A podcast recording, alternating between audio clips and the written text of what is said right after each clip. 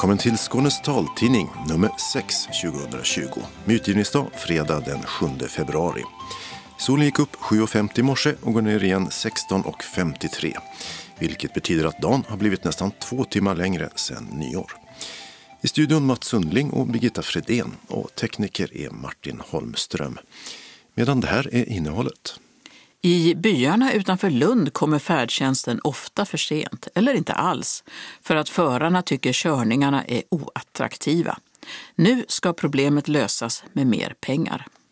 Telegram. Föräldrar till funktionsnedsatta barn får vänta för länge på bidrag. Och äldre sjukskrivna ska inte längre tvingas ta vilket arbete som helst. Ett av förslagen i statlig utredning. Många får avslag på sin ansökan om LSS-ledsagning för att utredningarna inte görs som de ska. Det vill SRF ändra på med ett rättighetsprojekt. Och nu börjar Malmö Open med mängder av parasport i stan. Men goalball-eliten får se på när breddlagen blir fler. Inga pengar från regionen till Glaukomföreningen Syd som fick avslag på sin ansökan. Och så blir det talande klockor och talande textremsor. Vi kollar på några nya prylar på hjälpmedelsmarknaden. Öppnat och stängt med pizza och poledance. Och signaturmelodin som inledde det här numret är nog välbekant för trogna läsare av taltidningen. Men varifrån kommer den har några undrat. Och vi sökte efter svaret och fann att det kanske kunde låtit så här istället.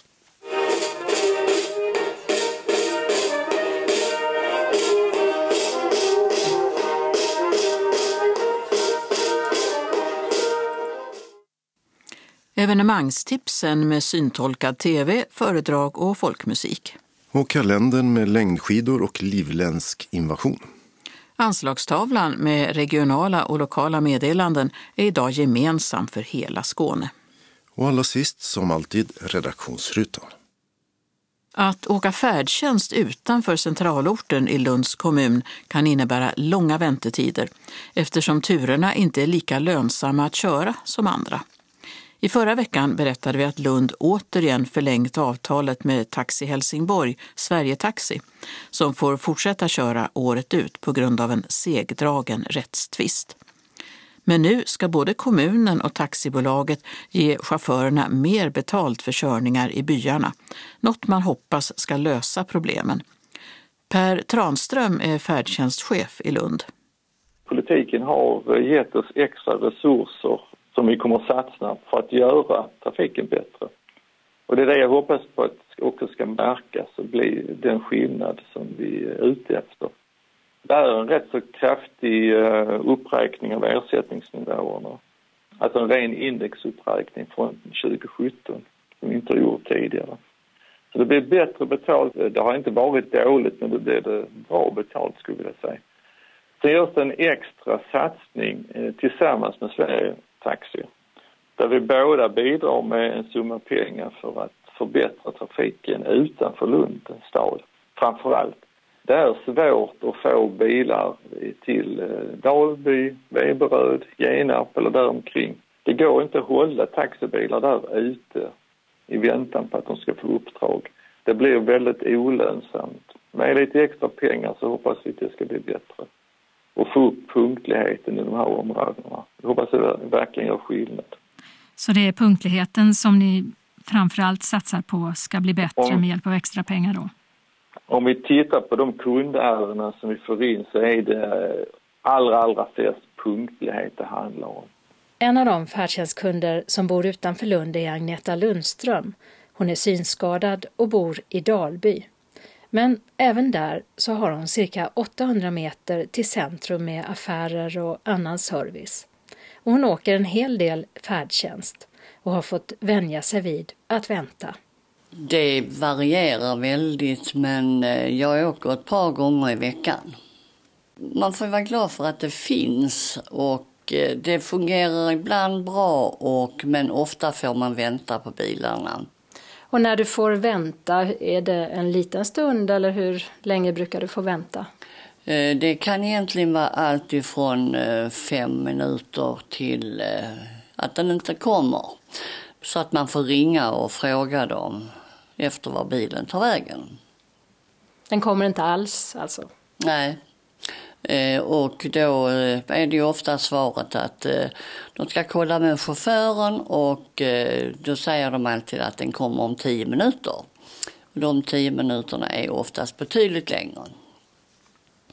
Så tio minuter det kan betyda tio minuter och det kan betyda något helt annat? Tio minuter kan betyda oftast upp till en halvtimme. Och när det här händer, vad innebär det för dig då om det inte kommer någon bil som du har bestämt? Eh, det innebär ju att om jag har ett tidsbeställt, till exempel möte eller eh, ja, något annat som är bestämt på tid, så missar jag ju det eller kommer för sent till det. Är det ofta det händer? Ofta och ofta, men eh, det händer ju nog någon gång i månaden. Och när det händer, hur känner du dig då? Ja, då är man lite utlämnad. Man kan ju inte göra något annat. Jag kan inte ta mig ner till bussen här. Jag ser för dåligt för att ta mig ner och eh, ja, det är inte roligt. Man får ringa och be om ursäkt för att man inte kommer i tid och, och så. Tycker du att det har förändrats över tid? Eh, jag tycker att eh, det har nog blivit sämre sista tiden måste jag säga. Jag tycker det har varit ett tag nu som det har varit lite besvärligt. Och både Lunds kommun och Taxi Helsingborg, eller som de också kallas Sverigetaxi, avsätter en fast summa pengar varje månad för turer som inte är så attraktiva. Per Tranström igen. Jag tror att man har ett väldigt stort tålamod med att bilarna kan vara försenade och försenade lite grann. Men att bilar aldrig dyker upp eller att man blir mer än en halvtimme försenad. Det händer ju tyvärr alldeles för ofta och det är det vi måste komma åt. Det har ni försökt komma åt länge nu.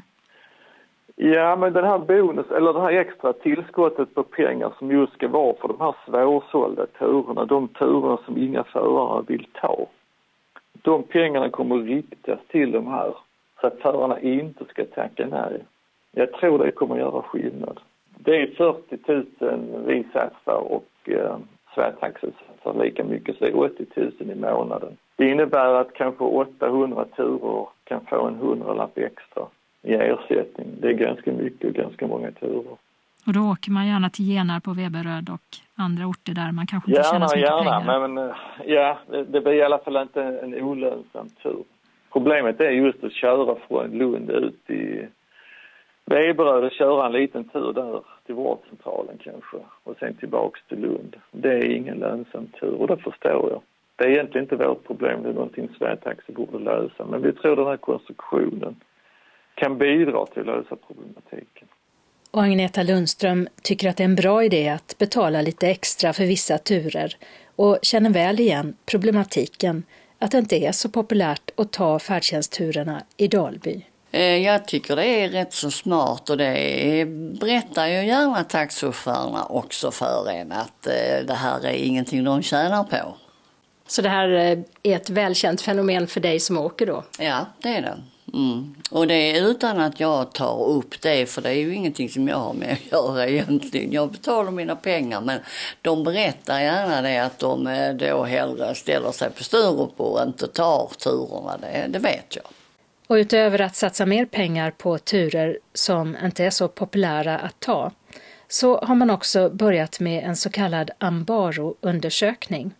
Och Ambaro, det betyder anropsstyrd barometer, för att få koll på hur fler färdtjänstresenärer upplever sin resa, säger Per Tranström. Det innebär att vi ringer fyra personer dagen efter de har rest, varje dag, även helgdagar, och frågar vad de tycker om den senaste resan.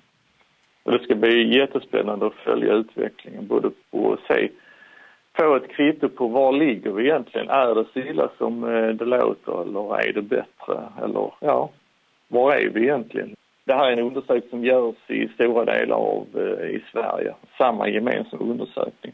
Så man kan jämföra sig lite grann med andra regioner och kommuner. Det är det som är stora fördelen baserat på den här ANBA-undersökningen som vi kommer att göra, får man en bättre utfall i ANBA-undersökningar så kommer det också där utfalla en bonus till eh, trafikföretagen. Vi får se om vi har lagt oss på rätt nivå, om det är tillräckligt eh, intressant för att de ska anstränga sig lite mer. Men det är i alla fall ett försök att förbättra kvaliteten. Och Agneta Lundström i Dalby som åkt färdtjänst länge har själv ändrat sitt beteende för att slippa att vänta och inte missa viktiga möten. Innan, när jag började med färdtjänst så, så väntade jag ju att ringa till försenad bil väldigt länge egentligen för jag tyckte liksom att okej okay, jag har tid att vänta eller sådär. Men nu så det tio minuter går sen ringer jag. Och eh, då är det ju oftast att eh, den är försenad och att den kanske inte alls kommer någon bil helt enkelt. Och ja, då får man ju låta bli att åka iväg, det är bara så. Men är det här någonting man pratar mycket om? Hur färdtjänsten fungerar? Ja, det är det. Så när man träffas många synskadade, och det gör vi ju i Lund på SRF till exempel, då är det oftast att om någon kommer sent eller om man väntar på någon och då är det ju prat om färdtjänsten överallt ifrån de olika orterna i Skåne som kommer till Lund. Så att det är ett vanligt samtalsämne synskadade emellan. Sa Agneta Lundström från Dalby. Vi hörde också Per Tranström, färdtjänstchef i Lund, som vill påpeka att man trots mer pengar till färdtjänsten håller sig inom avsatt budget. Reporter var Åsa Kjellman i Risi. Telegram.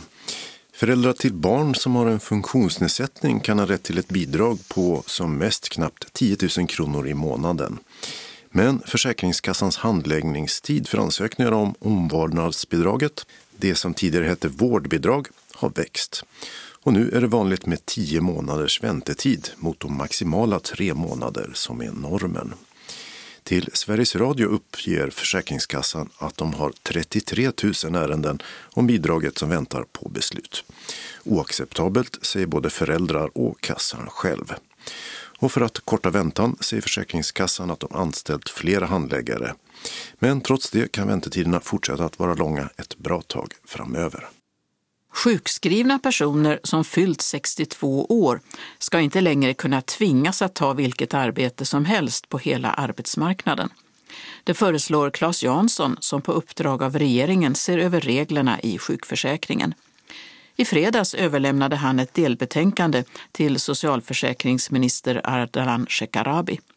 Där föreslår han att äldres arbetsförmåga efter sex månaders sjukskrivning endast ska bedömas mot arbetsuppgifter som finns hos deras arbetsgivare. En omställning till ett helt annat arbete kommer förmodligen att ta längre tid än vad den sjukskrivne har kvar i arbetslivet, säger Claes Jansson till TT. Ministern välkomnade utredningen. Sverige ska ha en trygg och begriplig sjukförsäkring som ska ge stöd och trygghet att komma tillbaka till jobbet, säger han i ett pressmeddelande. Utredningen ska lämna sitt slutbetänkande senast den sista april i år. Personer med synnedsättning får ofta avslag på en ansökan om LSS-ledsagning. Och det vill SRF råda bot på med sitt rättighetsprojekt.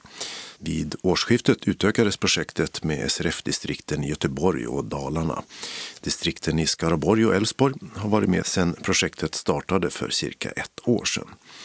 Nya volontärer, alltså frivilliga som ska ge det praktiska stödet, har också rekryterats. Det säger projektledaren Dennis Ivarsson.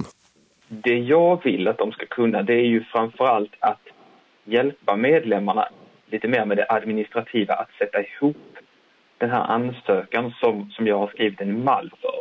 En stor del av vinsten är ju att man slipper göra det här själv. För det är ganska jobbigt och det är klurigt hantera. I det här fallet då den här mallen som vi använder är ju 37-38 sidor plus läkarintyg plus lite olika bilagor. Så det vill vi att de ska kunna. Men de måste ändå förstå vad det handlar om. De måste förstå varför olika frågor måste ställas. Alltså väldigt detaljerade frågor kring vardag, hur det funkar för att kunna sätta ihop en bakgrund som passar in i den här mallen. De som ni nu har som rättighetsstödjare, är det jurister, socionomer? Vid första tillfället då, där vi eh, utbildade fem stycken, då fick vi mestadels äldre och där fanns det någon hade arbetat som pedagog i många år. Någon hade erfarenhet av att vara eh, god man i ett antal år som också hade haft ansvar för att leda företag. En hade arbetat med LSS-utredningar i många år och då inte kanske för synskadade men för andra där det handlar om andra typer av funktionsnedsättningar. Och eh, sen vid det andra tillfället där vi höll utbildning nu i november 2019 så hade vi riktat in oss mer på juriststudenter. De är volontärer, betyder det att de jobbar helt ideellt? Eller? Ja, de eh, jobbar utan ersättning och eh, vi har väl sagt att ungefär fyra timmars arbete i veckan kan man rimligtvis kräva. Då hoppas vi att de stannar kvar åtminstone sex månader när vi har gett dem en utbildning. Och eh, som då för juriststudenternas del så ser vi ju det att vi hoppas kunna erbjuda någonting som är attraktivt på deras CV. Dessutom det här med att få ansvar för en egen klient väldigt snabbt och för att driva ett ärende framåt så framgångsrikt som möjligt. Volontären får ju veta väldigt mycket personliga saker om den som söker eftersom det är ganska omfattande arbete. Jag antar att de har tystnadsplikt. Jo då, de skriver på sekretessförbindelser. Även SRFs ombudsmän har fått utbildning om projektet. Mest för att de ska känna till det och kunna sprida kunskap om det. Men naturligtvis får de också hjälpa sina medlemmar med ansökningar, säger Dennis Ivarsson. Hittills har ingen ansökan från projektet avgjorts i någon kommun. Nej, inte än. Och det beror på att vi har, eh, vi kom ju igång här med de första rättighetsstödjarna efter sommaren, eller runt sommaren 2019. Men sen tar det ju ganska lång tid att få ihop till en bra ansökan. Det ska samlas ihop intyg och det ska skrivas bakgrund och de ska ofta träffas.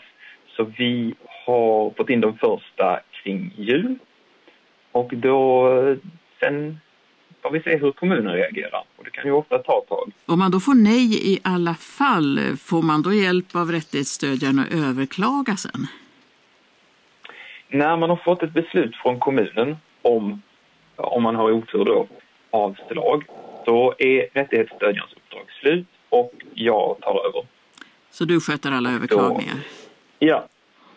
Och, och, det är för att vi har sagt att rättighetsstödjarna har så att säga ingen fullmakt, ingen rättegångsfullmakt. De är inte ombud.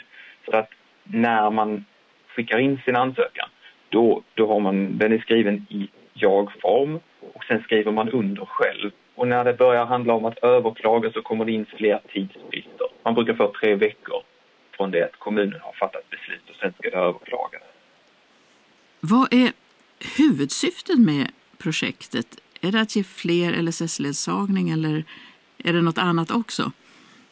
Vi måste bryta en väldigt djupt rotad inställning och ett, hur ska man säga, oskick i kommunerna som har utbildat de senaste, ja, under ett flertal år där man helt enkelt inte längre utreder ordentligt eller motiverar varför det blir avslag när eh, blinda och gravt synskadade ansöker om LSS-ledsagning. För vi kan ju se att i alla fall eh, från 2001 till 2015 så finns det kammarrättsdomar och där ser man tydligt att man har rätt till LSS-ledsagning då som blind och gravt synskadad.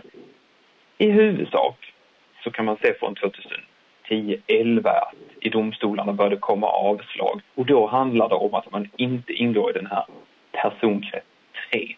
Alltså kommunen och senare då domstolarna tycker inte att en blind person har betydande svårigheter i sin dagliga livsföring och inte då heller ett omfattande behov av stöd eller service. Och det är den tröskeln helt och hållet som är knäckfrågan och som jag har skrivit den här mallen om ansökan av LSS-ledsagning utifrån för att visa att blinda och gravt synskadade tillhör den här LSS-lagens personkrets 3. För man måste in i LSS-lagen först och sen prövas det om man har rätt till själva ledsagarservicen och hur många timmar man ska ha efterhand då som man har blivit strängare med bedömningar så gäller det att sätta ihop en ja, ansökan som som innehåller mer och mer juridik. Och det, det är inte meningen att man ska kunna göra det eller behöva göra det själv.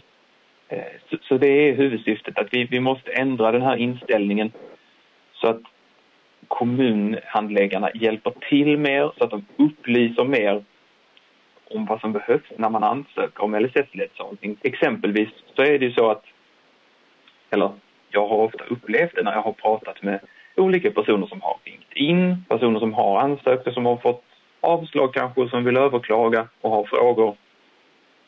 Man säger att eh, en kommunhandläggare frågar ofta bara varför ansöker du om LSS-ledsagning?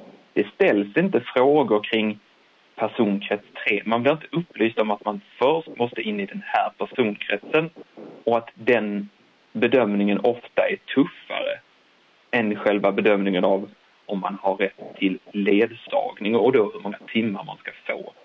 Och den här bristen på upplysningar och bristen på utredning från kommunhandläggarnas sida är väldigt allvarlig. Och det är, sköts inte det ordentligt så, så är det jätte, jättesvårt att sen få rätt i förvaltningsdomstol därför att det, man kan ha muntlig komplettering men det är ändå väldigt svårt att eh, komplettera för då har man inställningen att alla detaljer om, om vardagen, praktiska svårigheter, det är sånt som man skulle kunna ha berättat från början. Och det kan se konstigt ut menar man då, när man berättar om det här först i till exempel förvaltningsrätten eller kammarrätten. Genom att lämna in en stor omfattande ansökan för varje person som vi hjälper så gör vi också medskick till kommunhandläggarna. Den här mallen innehåller väldigt mycket referenser och källhänvisningar där vi säger att ni måste utreda på det här viset. Ni måste motivera i alla delar där vi inte eh, är överens eller har samma syn på hur stora svårigheterna är. Men även utanför själva projektet händer det saker på LSS-ledsagningsområdet, berättar Dennis Ivarsson. För bara några veckor sedan var det en kommunhandläggare då som hörde av sig och ville ha lite hjälp. hon hade gått in på hemsidan och läst om den här tjejen från Kävlinge som hade fått rätt i förvaltningsrätten och sen att Högsta förvaltningsdomstolen hade nekat kommunen prövningstillstånd så att hon anses ingå i personkrets så hade hon lite frågor kring det och om det fanns lite andra domar för då hade de fått in en gravt synskadad eh, person som ansökte om ledsagning. Och det var tydligen inte så vanligt. Och då tänker jag att det är ett slags kvitto på att man börjar lyckas med att nå ut och sprida lite förståelse. Sen så har syncentralen i Stockholm hört av sig och velat ha en utbildning. Jag antar att du själv har LSS-ledsagning? Nej. Det har du inte? Har, in, jag, har du ansökt och fått är, avslag eller? Jag, om, om jag minns rätt så ansökte jag första tiden i Lund och då gjorde jag väl misstaget att jag gick med på ett hembesök. Eh, det ska man inte göra. Det skriver jag om på hemsidan eh, under ett avsnitt då, som heter att ansöka om ledsagning. Man ska åka till kommunkontoret för där är man inte alls lika självständig. Alltså det är en miljö utanför hemmet. Och så bjöd jag väl på kaffe eller något sånt. Eh, och så fick jag avslag. Det sa Dennis Ivarsson som alltså är projektledare för rättighetsprojektet med fokus på LSS-ledsagning. Och det projektet pågår till hösten 2021 och sen ska det utvärderas. Hemsidan som Dennis Ivarsson hänvisar till hittar man på srf.nu rattighetsprojektet. Och man kan också klicka på länken Det här gör vi på SRFs hemsida. srf.nu är adressen dit. Och reporter det var Birgitta Fredén. Nu börjar Malmö Open, en av världens största tävlingar i parasport eller handikappidrott. Den 44 upplagan har 13 sporter och över 1500 deltagare med allt från världselit till glada amatörer. Men också i år blir de synskadade idrottarna färre än tidigare och då framför allt på elitnivå. Hos FIF, Föreningen Idrott för handikappade i Malmö, var förberedelserna i veckan i full gång. Lisa Lundell från Parasport Sverige är en av arrangörerna. Publiken kan förvänta sig en massa sporter som vanligt. 13 olika sporter fördelade runt om i stan. Framförallt på stadionområdet och Hyllie sportcenter, men även lite andra utspridda hallar. Hur många deltagare är det i år? Eh, någonstans mellan 1500 och 2000. Och det är vad vi har legat på de senaste åren. Eh, både svenska, nordiska och internationella. 25 länder ungefär har vi i år. 13 sporter, är det någonting nytt för i år?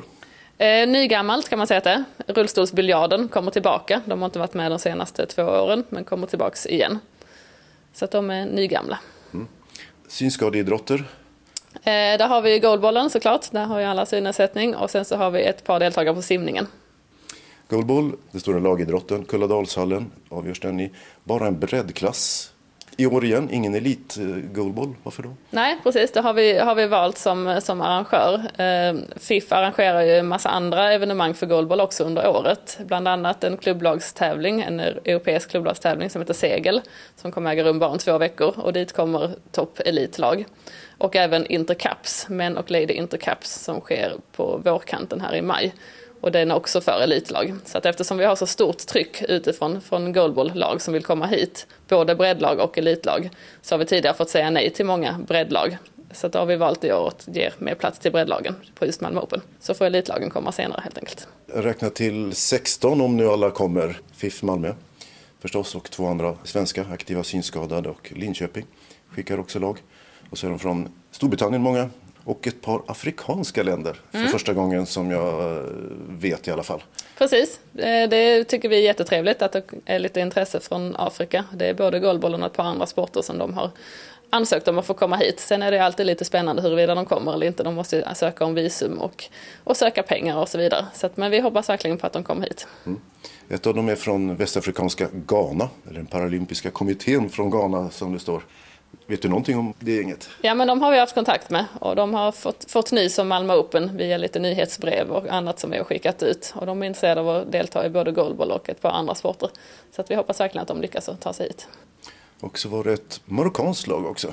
Precis, de har vi kommunicerat lite grann med men vi tror kanske inte att de hinner, kommer hinna få visum. Men det är alltid en start att de har visat intresse att komma hit så kanske till nästa år att de hinner lösa det. Sporter som är stora internationellt men som vi inte har sett i Sverige, eller på Malmö Open i alla fall, är blindfotboll, alltså femmannafotboll med en, eh, en boll som låter och förbundna ögon. Precis, det är en eh, paralympisk sport som vi kommer få se i Tokyo nu här i mm. augusti. Eh, och den är faktiskt lite upcoming i Sverige. Vi, både Parasportförbundets fotbollskommitté och tillsammans med fotbollsförbundet jobbar lite grann med att rekrytera för den här, för den här målgruppen och den här typen av lag. Vi har väl ett eller kanske två lag som är igång och tränar runt om i Sverige. Och vi hoppas kunna göra lite satsningar här framöver för att kunna få igång den här sporten. Och kanske då också att den dyker upp på Malmö Open-programmet framöver. Mm.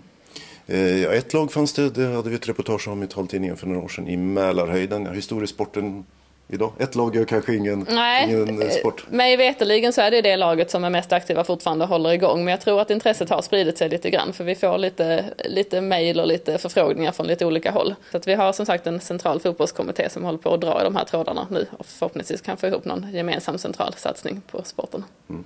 Det kunde ju vara något för Malmö Open tänker jag mig också. Att det finns ju lag utomlands som uh, kunde tänkas vara intresserade av att komma och tävla också. Och den är actionfylld kan man säga för den som inte har sett den. Eh, det händer mycket. Och eh, bollskickligheten är fenomenal ibland.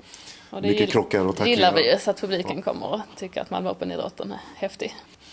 Eh, judo är en sport, en klassisk synskadesport. Man behöver ju inte se för att tävla framgångsrikt där. Eh, som ni har funderat på tidigare. Precis, den har varit på väg in på programmet. Som, som alla sporter så handlar det om att vi måste hitta en, en bra tävlingsledning som kan, eh, som kan driva en, eh, en bra tävling. Eh, och judon är, eller parajudon är relativt liten i Sverige fortfarande. De åker ut mycket internationellt och tävlar men just i Sverige så har vi inte fått ihop någon egen tävling än. Men det kan absolut också vara någonting att sikta på framöver. Det var synskadesporterna. Är det något annat kul som händer? Ja, men ska vi prata actionfyllda idrotter så är det väl alltid paraishockey och rullstolsinnebandy. Båda de sker på stadionområdet, Baltiska ishallen och Baltiska träningshallen. Där kan man förvänta sig trevlig action om man kommer och kollar. Sen så har vi rullstolsbasket, också alltid kul att titta på. Inte så många lag med i år, men ett par matcher ska vi få till. Och då är det inne i stan på Latinskolans sporthall. Så man kan titta på det. Och det mesta avgörs under helgerna förstås. Fritt inträde som vanligt? Fritt inträde som vanligt och kan man inte ta sig dit på plats så sänder vi också livestreamat. inte syntolkat allting där men, men livestreamat. Så har man en egen syntolk så kan man titta på det där i alla fall. Sa Lisa Lundell, projektledare på den 44 upplagan av Malmö Open. Tävlingarna smygstartar alltså torsdag denna vecka, men det mesta av aktiviteterna sker under helgen. Reporter i FIF-hallen i Malmö var Mats Sundling. Första försöket gav ingen utdelning. Det blev inget bidrag från Region Skånes hälso och sjukvårdsnämnd till Glaukomföreningen Syd som hade sökt 50 000 kronor för medlemsvärvning och utåtriktade aktiviteter. Men föreningen ger inte upp utan försöker igen. Det säger föreningens kassör Bodil Svensson i Strövelstorp som tycker så här om avslaget. Vi hade väl varit nöjda med nästan vad som helst eh, som ett tecken på att vi, eh, vi gör ett gott arbete i alla fall. Det står i avslaget att föreningen uppfyller grundläggande villkor för bidrag och att medel inte beviljas mot bakgrund av andra mer prioriterade behov och beslutad budget. Så pengarna räckte inte till er eller man menade att andra var viktigare. Vad tror du? Jag ser ju till exempel att de stora summorna har gått till eh, de stora pensionärsföreningarna SPF och PRO. De gör ett helt otroligt arbete men vi ska ju inte konkurrera med varandra så att egentligen känns det som att det handlar om att det är för lite pengar helt enkelt. Och eh, vad var det ni hade tänkt eh, använda pengarna till? Vi försöker ju växa. Vår förening som är en länsförening består inte bara av Skåne utan även eh, Blekinge och Halland. Men vi har sökt då bara för våra skånska medlemmar. Vi behöver bli fler. Vi har haft en kraftig medlemsökning under 2019 och jobbar verkligen för att öka medlemsantalet. Och möten av olika slag, kunna eh, arrangera stora träffar med forskare och ögonläkare till exempel så att vi får eh, den senaste informationen. Ni eh, vill också ha möjlighet att informera utåt om eh, glaukom. Absolut. Vi gör det ju i en ganska liten skala nu. Men det är klart att vi skulle vilja nå ut större om det hade varit möjligt. Men vi har ju till exempel inte råd att göra några större kampanjer eller någonting sådant. I er ansökan så skriver ni också att att vårdsituationen för glaukompatienter i eh, Skåne är starkt otillfredsställande. Att det är långa köer och svårt att eh, få uppföljande behandling. Vad kan ni göra för att eh, råda bot på det? Det är framförallt nordvästra Skåne som har de här problemen Eh, jämför man till exempel med eh, den södra delen Malmö-Lundområdet, där fungerar det ganska bra. Och vad vi kan göra det är naturligtvis att eh, försöka påverka politiker, att försöka påverka vården, tala om att vi finns, vad vi har för problem och vad vi har för förväntningar.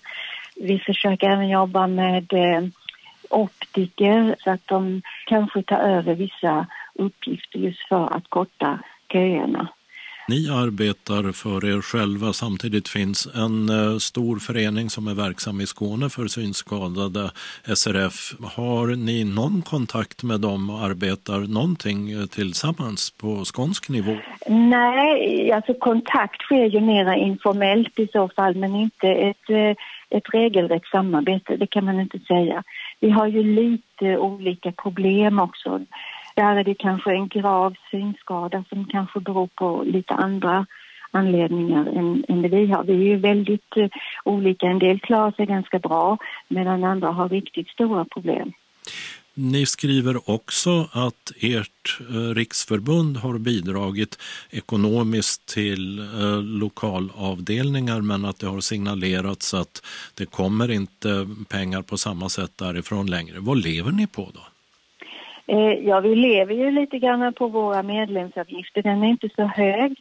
Det, det är väl den inkomsten vi har egentligen och som sagt till viss del från eh, vårt förbund som hjälper till de, där det är problem i de föreningar som inte har fått bidrag. Och då kan jag tillägga att eh, vi är väl en av de få länsföreningar som faktiskt inte har fått. Övriga har fått från sina regioner.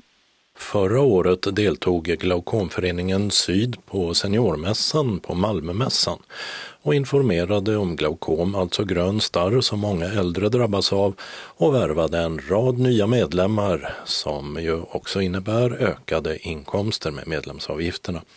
Men i år är man inte säker på att ha råd att delta. Från sitt riksförbund, Glaukomförbundet, tror kassören Bodil Svensson att de kommer att få 15 till 20 000 kronor, vilket är den enda inkomsten förutom medlemsavgifterna som ger ungefär 55 000. Men det gäller då både Skåne, Halland och Blekinge.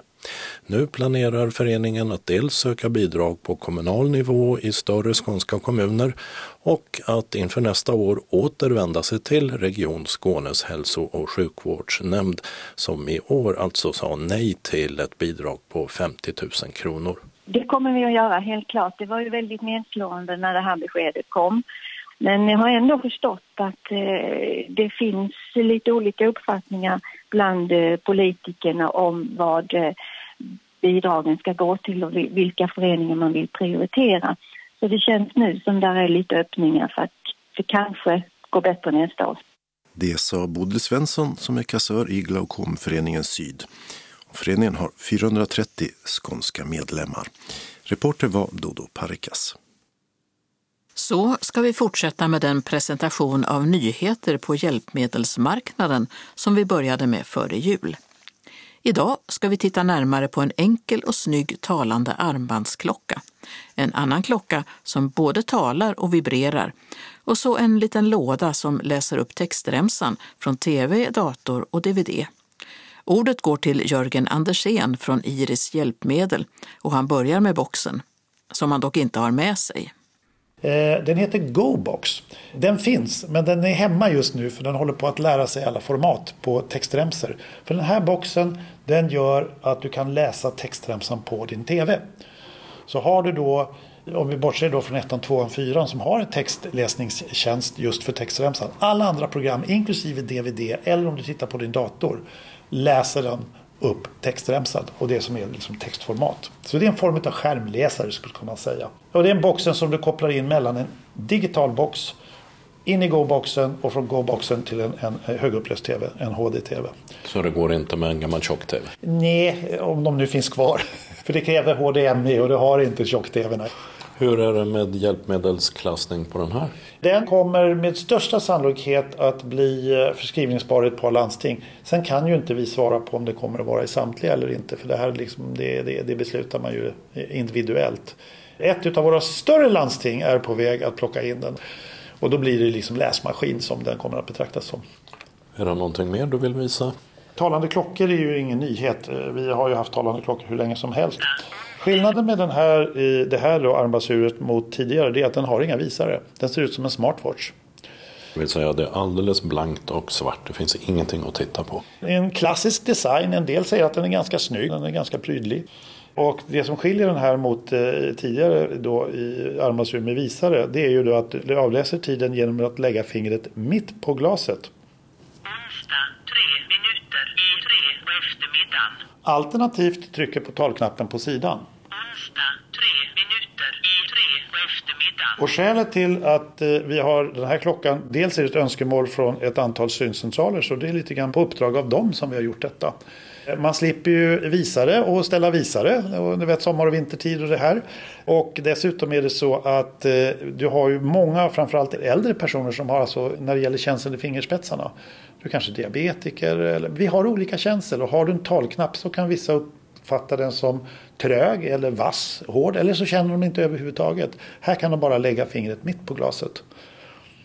Och eh, du sa alltså att här finns redan ett eh, intresse för inköp från eh, synenheter, syncentral. Den här är ju så pass ny men den förskrivs idag i hela Västra Götaland. Men den här kommer att komma in i andra. Men hur långt och hur mycket är jättesvårt för oss att veta. Men intresset är stort. Eh, här har vi en liten tingest, en klocka som både talar och vibrerar. Så att det är både för eh, synskadade som vill ha vibration och eller ljud eller så kan du alltså dövblinda nyttja den. Den talar om tiden både analogt. Dövblinda larmhelgen.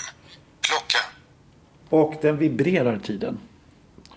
Och det gör ju att du kan ju, om du då eh, inte kan klara av vibrationen så kan du ställa in den med hjälp av ljudet eller vice versa. Låt... Och då ställer man in den här så att du har långa och korta vibrationer som avger huruvida det då det är timmar, minuter. Du kan också ställa den som en väckarklocka eller som en timer. 15 timmar. Jag kände inget. Du kände inga vibrationer? Nej. Väldigt lite måste jag säga. Men de som har känslan utvecklad, de känner. Den ska ju inte studsa. det blir för mycket vibrationer. Om vi nu ser det utifrån ett dövblindsperspektiv, för det saknas väldigt mycket produkter just för dövblinda. Och det, ett av skälen är att marknaden är så väldigt liten.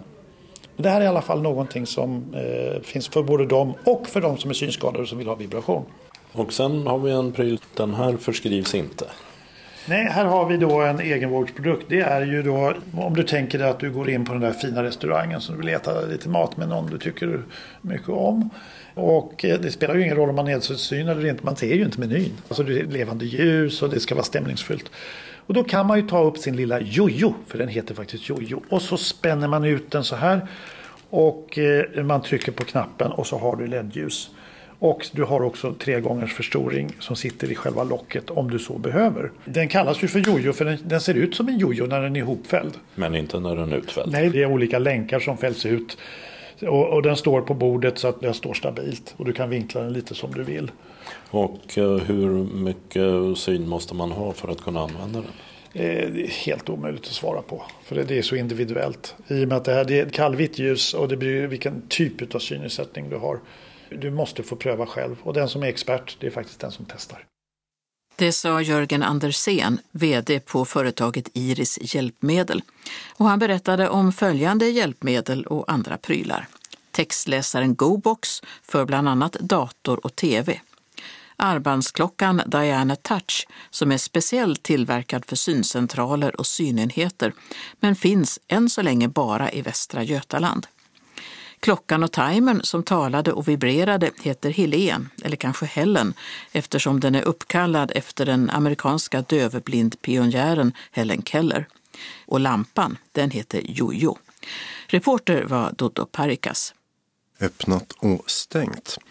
Abbekås i Skurups kommun har fått en pizzeria. Den heter Solo Abbekås och är en filial till Solo i Rydsgård. Adressen är Sockenvägen 29 på baksidan av lokalen där Abbekos mataffär låg tidigare och innan dess en annan pizzeria. I Hässleholm har Hässleholm Pool öppnat i lokalen där Molins cykel låg tidigare. Under instruktörers ledning dansas där nu pole dance, eller stångdans, en exotisk och akrobatisk dansform kring en vertikal stång. Adressen är Skolgatan 11. I Hässleholm har bankomaten i den före detta Handelsbanken tagits bort. Närmsta bankomat finns nu i Gallerian och de ska gå att nå även när Gallerian har stängt. I Osby har Fridas hårstudio öppnat på Västra Storgatan 26. I lokalen låg kosmetikabutiken Florett i ett halvsekel fram till den stängde 2011. I Perstorp har Hälsoprofilen öppnat ett gym på Köpmangatan 11. Förutom styrketräning finns där olika former av gruppträning. Och det är Hälsoprofilens andra ställe i Skåne. Sedan några år har de också ett på T4-området i Hässleholm. På Väla utanför Helsingborg har den privata arbetsförmedlingen En Rival öppnat en så kallad jobbbutik intill juicefiket Joe and the Juice. I Malmö har damklädeskedjan Pagell stängt butiken vid Triangeln efter decennier på adressen Davidshallsgatan 27. Och det var deras sista butik i Skåne. För 12 år sedan stängde den i Hansagallerian och 2015 den på Väla. I Malmö har restaurang Rebell på Frisgatan 8 både stängt och öppnat igen. Efter tio år har de tidigare ägarna nu sålt stället men har det öppet tills de nya tar över den 1 april. Om en engelsk kvinna vid 1900-talets början inte hade fått gå hem ensam från dansen i sin lilla stad, ja då hade Skånes taltidnings signatur kanske inte låtit som den gör. I över ett kvartssekel har signaturen slagit an tonen för varje nummer av tidningen. Och nu ska vi höra historien bakom den. Och du, vår tidigare chefredaktör, alltså Birgitta Fredén, du minns? Ja, den kom till eh, i maj 1993 när vi slutade med fem upplagors klipptidning och blev en upplagas reportagetidning som den är idag. Kassetter, kassetter, kassetter. Det ja, det är hela kassettarkivet. Här har vi till exempel Lund, Malmö, Kristianstad, Helsingborg och Ystad. Det var de fem olika upplagor vi hade. Och det var olika signaturer på allihopa. Oj. Ja, okay. så att man skulle kunna skilja dem åt. Vi kunde ju inte fortsätta med någon av dem i den nya. Det hade ju ja, blivit orättvist på något sätt. Om Ystadborna plötsligt fick släppa till sin signatur till hela Skåne typ? Hade Ystadborna blivit jätteglada. Men kanske inte helsingborgarna. Tror du det var så illa? Jag tror inte det, men det var ju svårt att bestämma också vilken av de här ska vi ta och fortsätta med. Utan det var bättre liksom att börja från scratch och en helt ny signatur. Och då fick ju vi tekniker plocka fram varsin. Och det råkade bli då den som jag hade tagit fram som, som gillades bäst av journalisterna. Alla fick föreslå vad man ville ha som eh, signatur och sedan så valde vi den vi tyckte var trevligast och den kom Bertil Olofsson, vår gamle tekniker, med. Han hade den skivan. Och eh, ja, de tyckte min var bäst så blev det ju att vi fick den ju. Vi fastnade för en traditionell engelsk sång, The Floral Dance, eller från Cornwall är den egentligen. Skriven av en kvinna som heter Katie Moss 1912 och handlar om en fest som hålls varje år på våren i Cornwall där man firar att vintern är slut och våren kommer. Och eh, då spelar man den här musiken och dansar hela dagen då för att just fira vårens ankomst. Jag lyssnar på all sorts musik och eh, det var en skiva eller en box som jag hade köpt ganska nyligen då när det blev dags att vi skulle välja ut eh, en melodi. Och eh, den framförs i vår version då på panflöjt av en grupp som heter The Pan Pipes.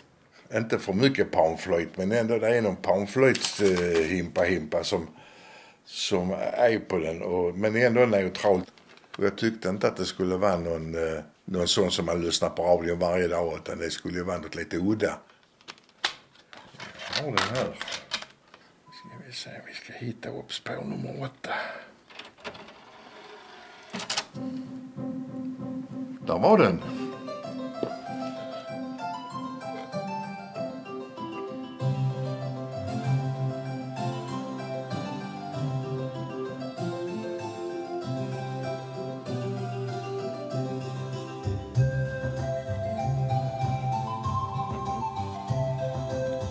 Neutral men ändå lite pigg. Men den finns väl i lite andra versioner också tror jag. Det gör den helt klart. Jag kollade här och det var, eh, om man så säger, det var inte lite som fanns. As I walked home on a summer night When stars in heaven were shining bright Far away from the footlights glare Into the sweet and scented air Of a quaint old Cornish town var Julie Andrews. Och eh, där får man ju texten också, det är ingen text i vår signatur. Eh, och uh, det här, alltså, jag vet inte om det är jag som är omusikalisk men jag har väldigt svårt att känna igen vår signatur i, i det här. Gör du det? Nej, det gör jag faktiskt inte. Ska vi prova vi med provar en annan får vi se.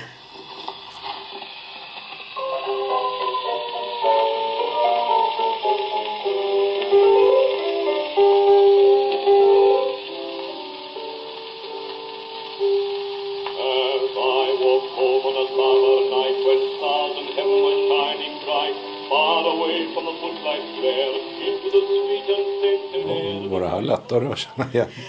Nej, men eftersom det bygger på en traditionell melodi kanske man kan göra lite vad man vill med den. Eagles blev kända för Hotel California men de hann med att ge sig på den här låten också på 60-talet.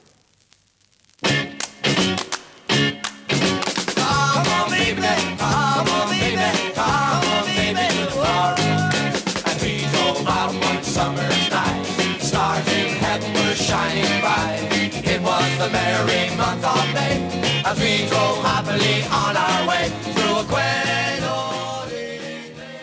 Och det är lite konstigt att eh, de ger sig på den här texten för den är skriven av en kvinna och den är berättad ur en kvinnas perspektiv. Som hon var på den dansen enligt vad jag har fått fram. Och på den festen och berättar att hon fick gå därifrån ensam för hon hade ingen pojkvän med sig. Och hon hörde hur de spelade och såg hur de dansade. Ska vi se. Det finns ytterligare varianter. Det här är från det brittiska tv-programmet Top of the Pops. och det är tydligen en Terry Vogan. Här gör han någon sorts comeback. I thought I could hear the curious tone of the cornet, clarinet and big trombone, fiddle, cello, big bass drum, bassoon, a flute and euphonium. Each one making the most of his chance, all together in the floral dance. Det är samma sak här. Det är en kar som får gå ensam från dansen tydligen. Ja, det kanske inte har någon större betydelse. Det var väl lika illa för honom som det var för Katie Moss att få gå ensam. Sen har ju varit en diskussion när jag sett också på vad det egentligen är för instrument. Därför att i den här lilla staden där den här festen eh, äger rum så har de då ett stadsband. Och det är ett brassband står det. finns inga klarinetter, inga fioler, inga flöjter i det bandet.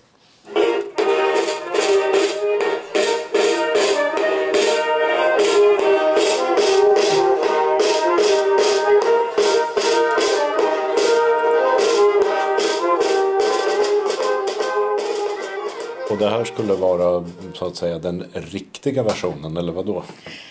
Ja, det är ju den staden Hellston som den här festen hålls varje vår.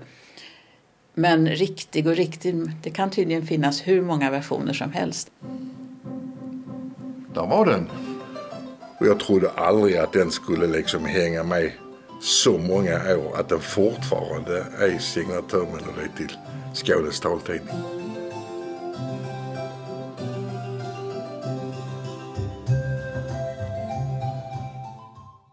Och vi hörde Skånes taltidnings tidigare tekniker Bertil Olofsson och tidigare chefredaktör Birgitta Fedén som vi har här med oss idag.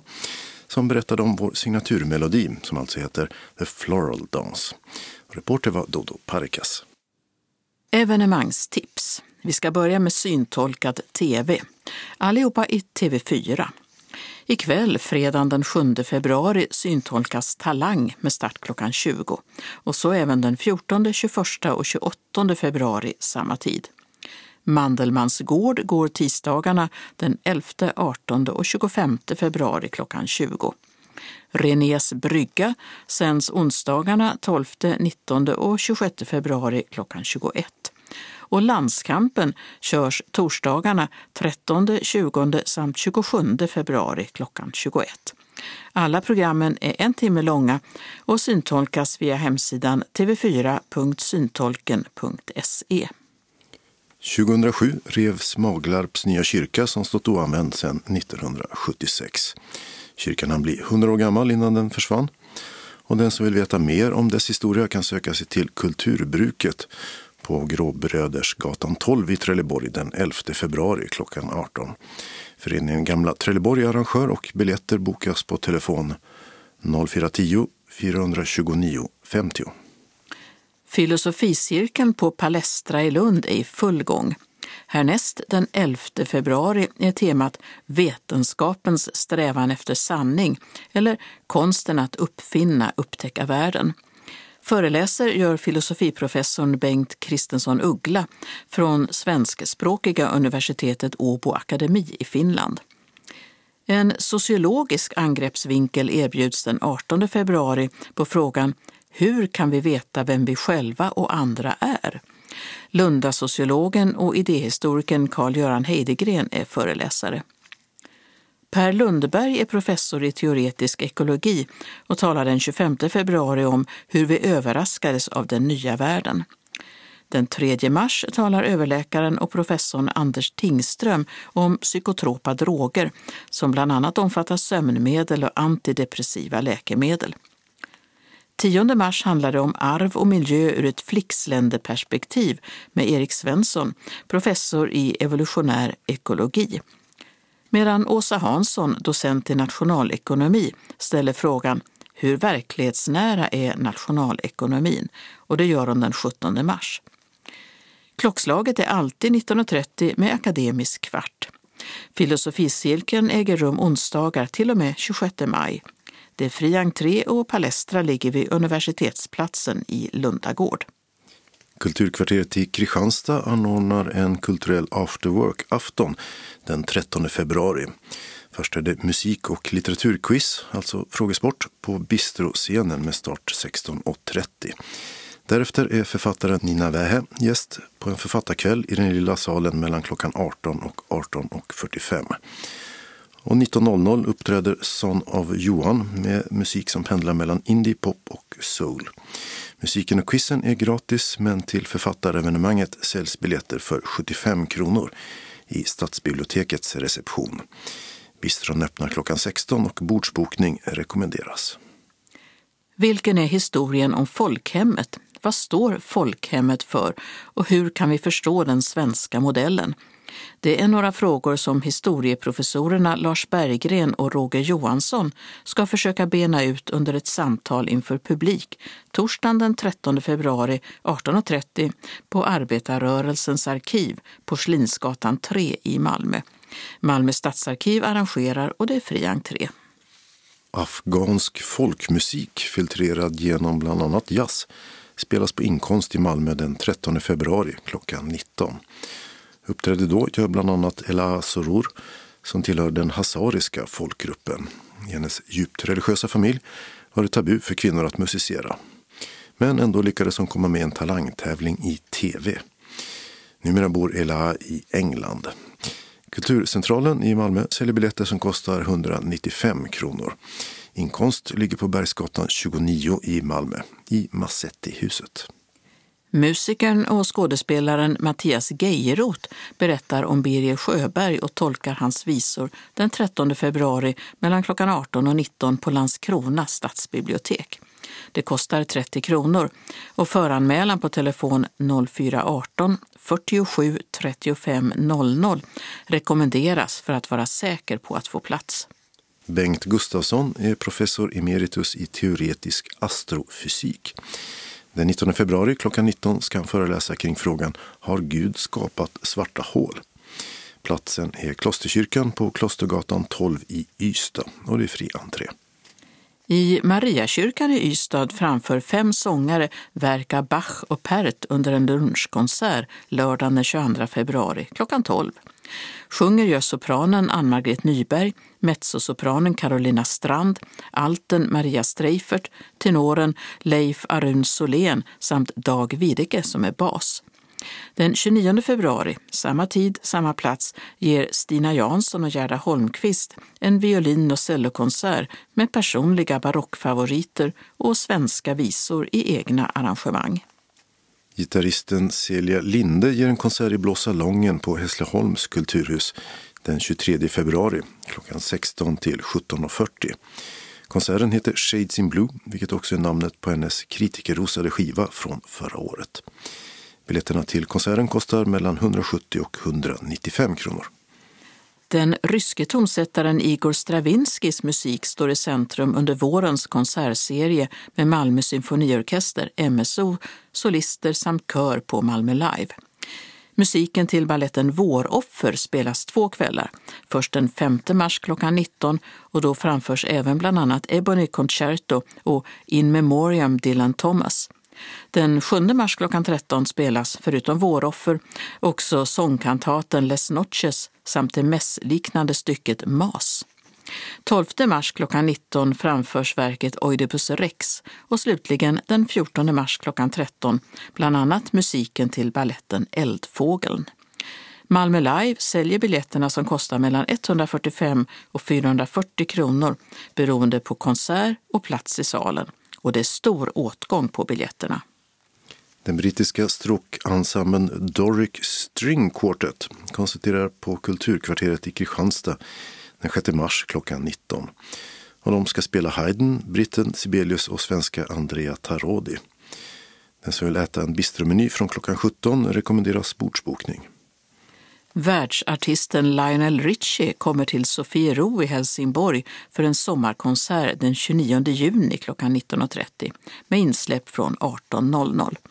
Turnén kallas Hello efter en av hans megahittar och illustreras i förhandsreklamen med Richie glatt pratande i en tegelstensstor tidig mobiltelefon med antenn.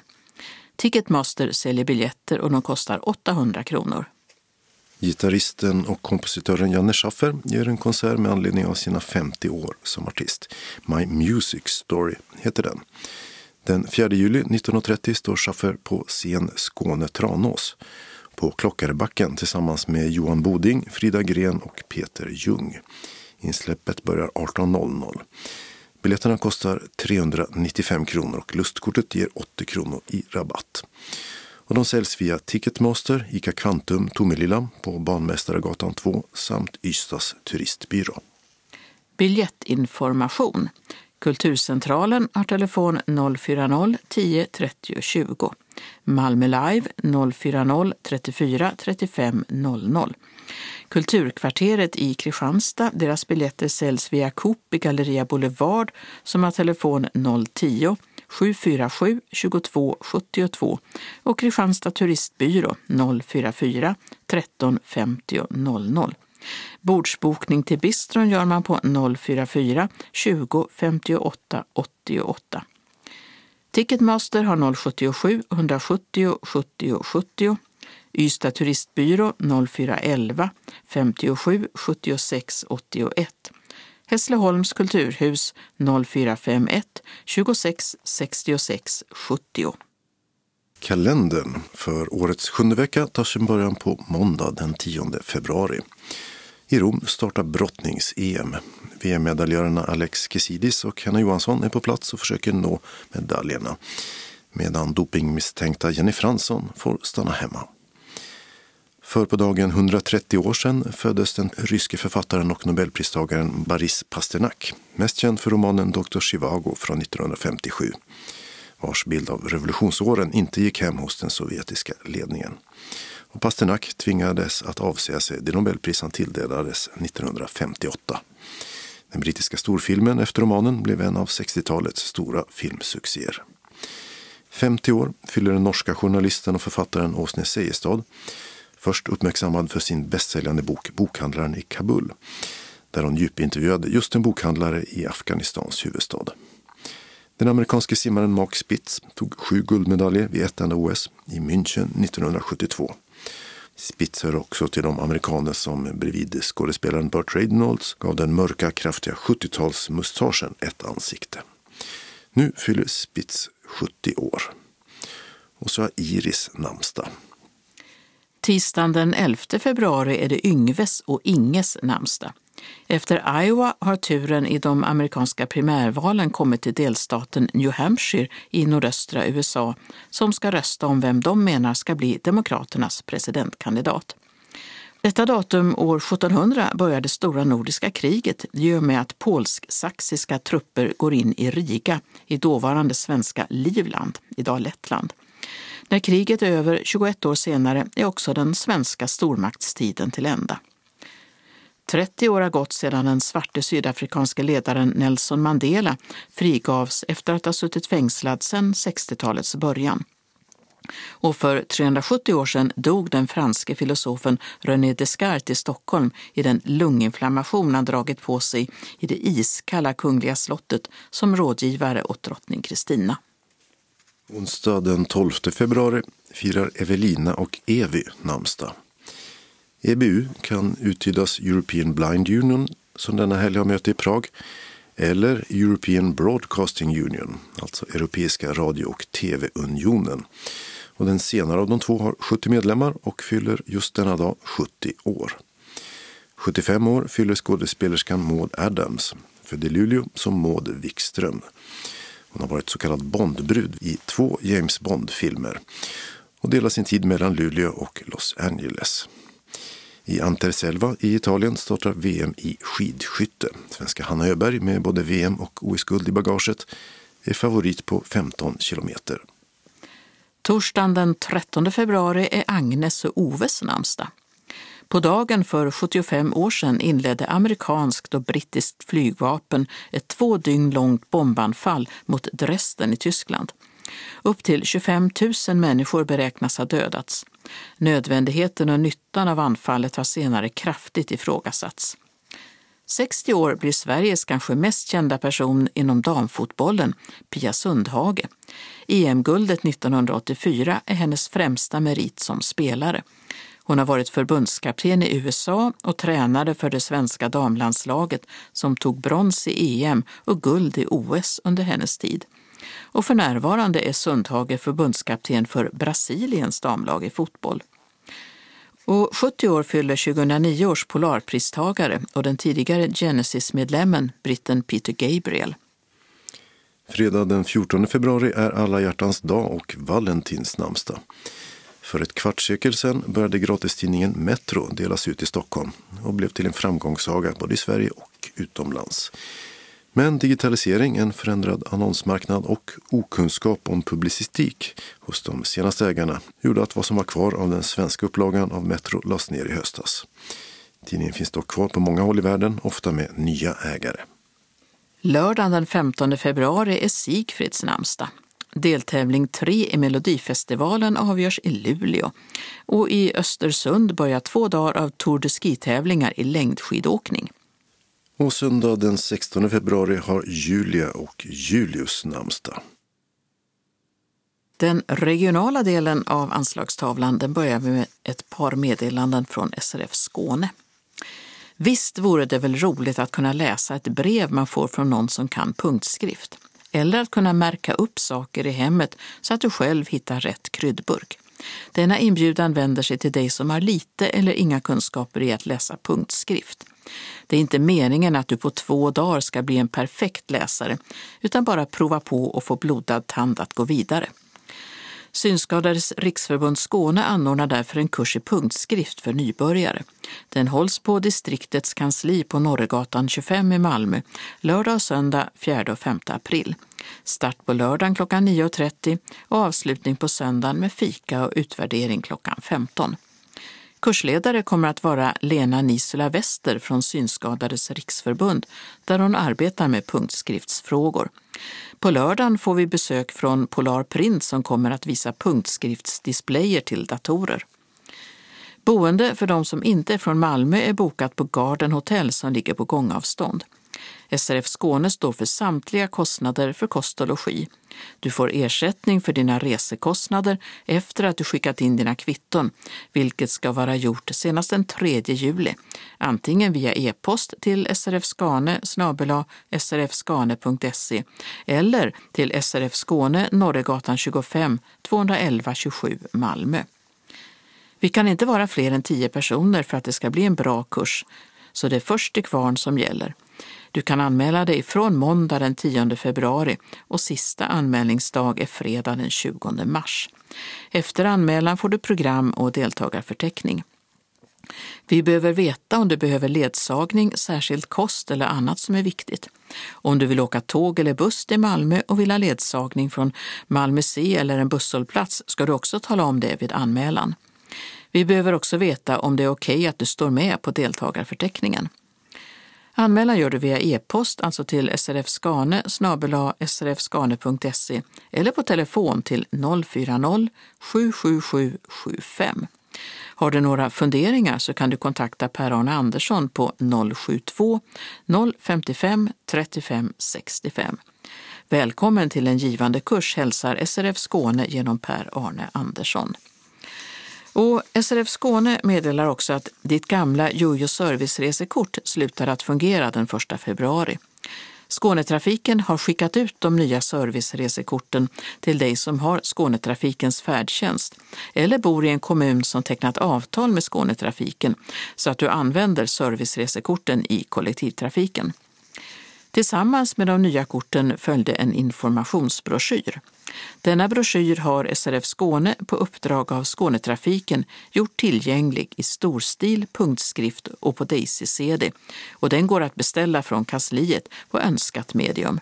Det går naturligtvis även att få informationsbroschyren digitalt från oss i ett mejl om du föredrar det. Ring 040-777 75 eller skicka ett mejl till srfskane srfskane.se så skickar vi broschyren till dig. Den lokala delen av anslagstavlan är idag gemensam för hela Skåne och börjar med en inbjudan från SRF Helsingborg Höganäs till månadsmöte tisdag den 11 februari mellan klockan 14 och 16.15 i SRFs lokal på Vaktgatan 3 i Helsingborg. Vi ska nominera kandidater till styrelsen och representantskapet inför årsmötet. Dessutom blir det genomgång av budgeten och verksamhetsplanen och vi får besök av Mikael Grönhed och PRO-kören. Om det inte står på den fasta listan och vill komma är sista anmälningsdagen måndag den 10 februari klockan 12 till kansliet. Telefon 15 83 93 eller e-post till info.srf.hbg telia.com. Och dagen efter har SRF Helsingborg Höganäs onsdagsträffen i samma lokal, alltså den 12 februari mellan klockan 13 och 15.15. Och 15. Då ställer Monica frågor och hoppas hon får svar.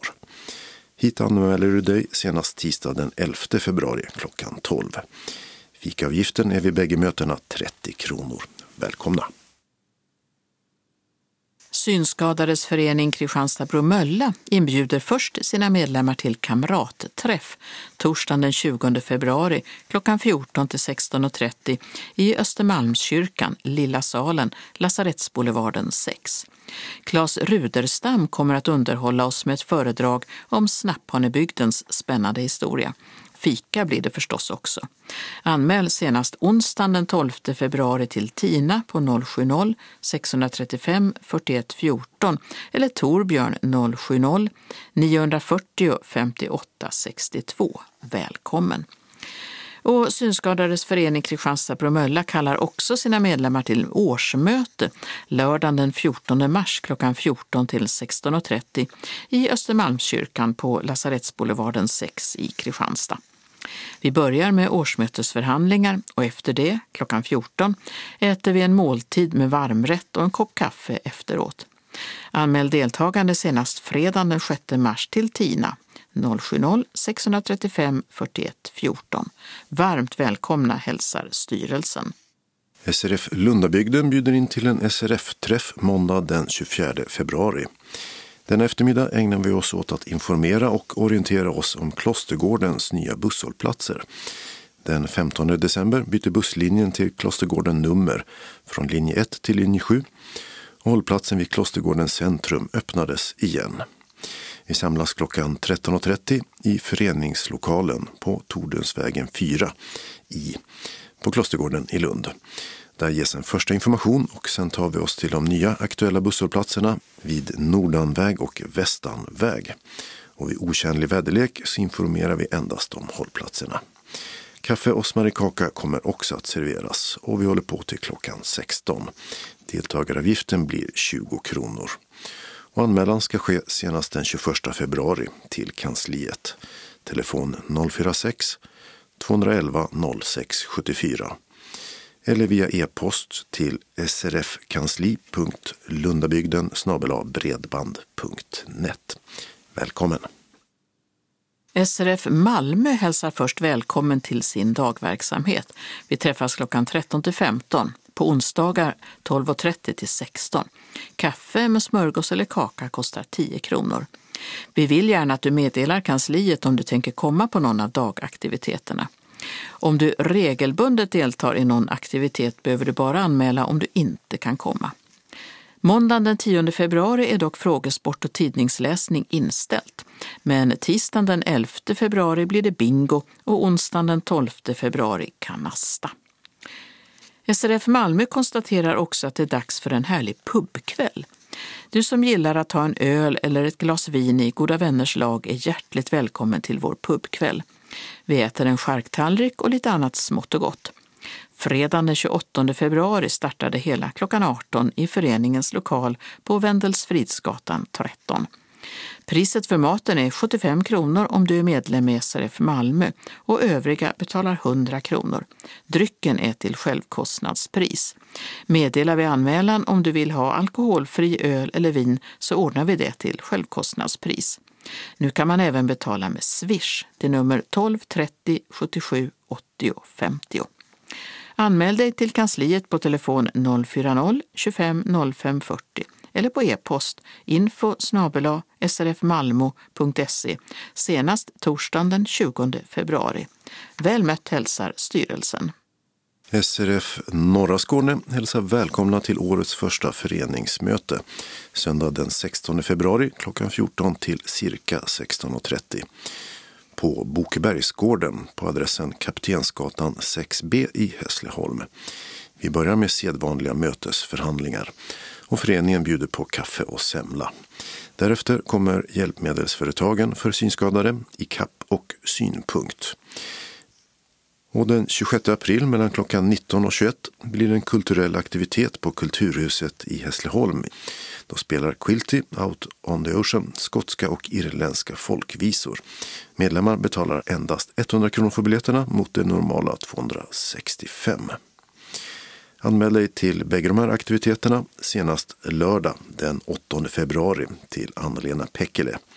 Telefon 0451 231 01 eller 070 36 00 647. Dessutom tipsar Norra Skåne om Bokcirkelns nästa träff som är den 11 februari klockan 10 till 11.30 på biblioteket i Hässleholm. Och på fredagar spelas Kanasta på Senioren i Hässleholm klockan 9 till 12. Och det hälsar styrelsen. Samtliga medlemmar i SRF Ängelholm Båstad kallas härmed till årsmöte den 22 februari klockan 11 till 14 på Torgträffen, Gasverksgatan 25 i Ängelholm med ingång från torgsidan.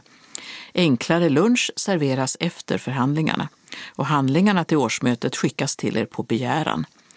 Anmälan ska ske senast fredagen den 14 februari till Stina Bodil på e-post stina.bodil telia.com eller via telefon till Marianne 070-710 45 79. Välkomna hälsar styrelsen. Och vi rundar av med några ändringar i busstrafiken. Först en kanske mer permanent. Nu går en flygbuss nämligen mellan Helsingborg och Ängelholms flygplats igen. Vid årsskiftet la Bergkvara buss ner linjen på grund av dålig lönsamhet.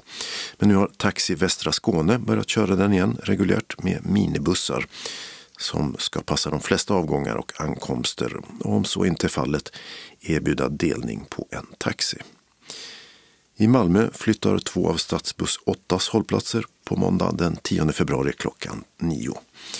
Fosie kyrka läge B, liksom Hermodsdal läge A, flyttar bägge cirka 50 meter bakåt i bussens färdriktning. Den 28 februari klockan 15 ska de vara tillbaka på sina vanliga platser igen.